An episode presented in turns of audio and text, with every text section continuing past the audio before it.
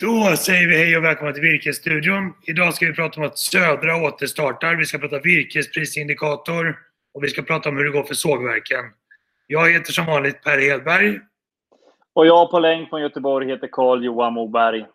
Du är nyklippt och fin. Är du inte rädd för Corona längre?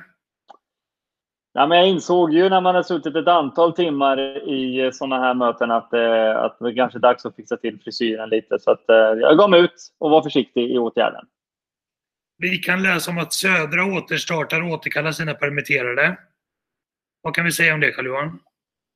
Nej, men det stämmer helt och hållet. Det att man går tillbaka till, till, till full produktion igen. I Sverige, de svenska anläggningarna, dock den finska anläggningen, sågverket där som är tung mot Storbritannien, är det fortfarande produktionsbegränsningar i. Är coronakrisen över för skogsindustrin, tror du? Absolut inte.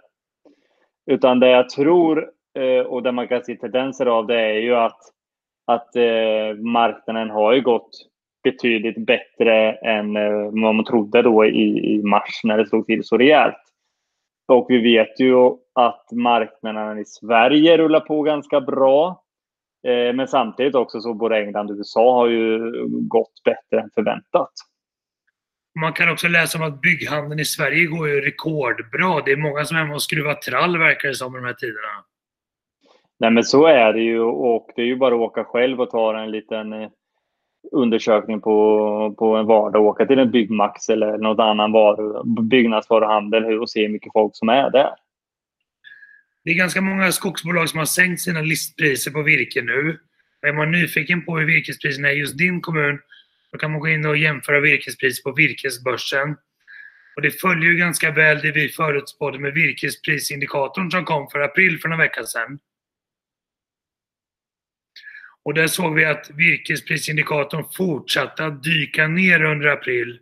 Så att sannolikheten för sjunkande virkespriser har ökat ännu mer kan man säga. Är det någonting du känner igen också Carl-Johan? Ja, men det har ju varit hela våren har ju varit en avvaktande bland, bland köparna. Eh, man har ju köpt självklart virke och sådana saker, men man har också väntat på vad som komma skall och det här tror jag är en, en, eh, en liten bild på hur det tyvärr kommer att se ut. Ja, så är det. Vi har också, är det så att man vill ha virkesprisindikatorn, då kan man gå in och registrera sig på virkesborsen.se eller sätta ett mejl till info.virkesborsen.se så kan jag sätta upp er på distributionslistan utav den också. För en vecka sedan ungefär så släppte vi också vår finansrapport över hur det går för sågverksföretagen. Och där ser vi ju lite konstigt att trots coronakrisen så återhämtar sig ett antal sågverksföretag under kvartal 1 2020 jämfört med kvartal 4 2019. Och de verkar förklara det som att marknaden har varit ändå ganska stabil. Man ser inte så mycket av coronaeffekter under de tre månaderna. Och egentligen så var det bara mars månad som var en coronamånad under det första kvartalet.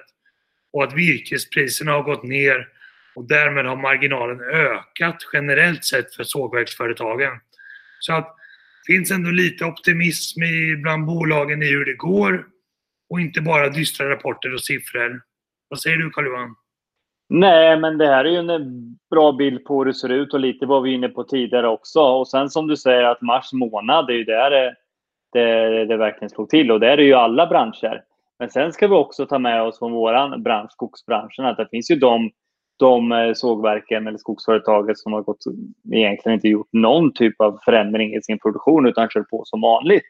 Och så finns det de som gick då tidigt på permitteringar och ställde saker och sen nu börjar komma igång igen. Så att det skiljer sig en del då, hur man agerar kring det hela och det har att göra med vilken marknad man är exponerad mot. Och som alltid då så gäller det att söka brett när du ska göra en affär mot en, en virkesköpare. Nå så många som möjligt. Och det här tycker jag är en viktig poäng. Det går väldigt olika för olika skogsbolag just nu beroende på vilken marknadsexponering och vilka produkter man gör.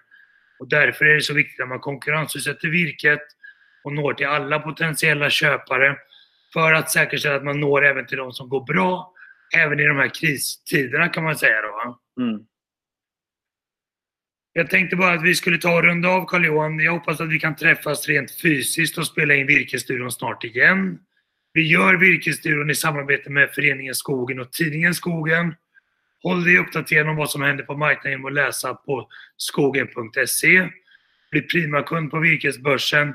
Jämför virkespriser. Läs virkesprisindikatorn och så vidare. Bara lite avslutningsvis Carl-Johan, hur ska man tänka som skogsägare i de här tiderna tycker du? Nej, men självklart ska man ju alltid hålla sig uppdaterad, precis som du säger. Att se till att följa vad som skrivs i, på olika medier. Följ inslag, folk som gör reportage från skogen. Men sen samtidigt måste man ju också vara ute och, och gå i skogen och se vad som händer. För i södra Sverige och Mellansverige så har vi ju granbarkborren som börjar vakna till liv, så vi måste hålla koll på den.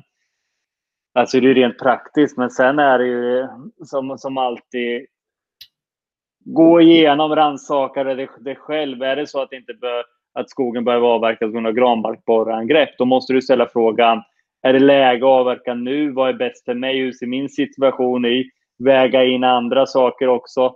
Kolla på skattesituationen, de bitarna. Finns det andra åtgärder på för en fastighet som man behöver pengar till att göra investeringar i? Så hela tiden kolla på helheten kring ditt skogsägande. Tack snälla Carl-Johan och fortsätt driva ett aktivt skogsbruk. Har du frågor eller funderingar skriv till oss på virkesstudion virkesborgsen.se så ses vi snart igen. Tack så mycket! Tack och hej!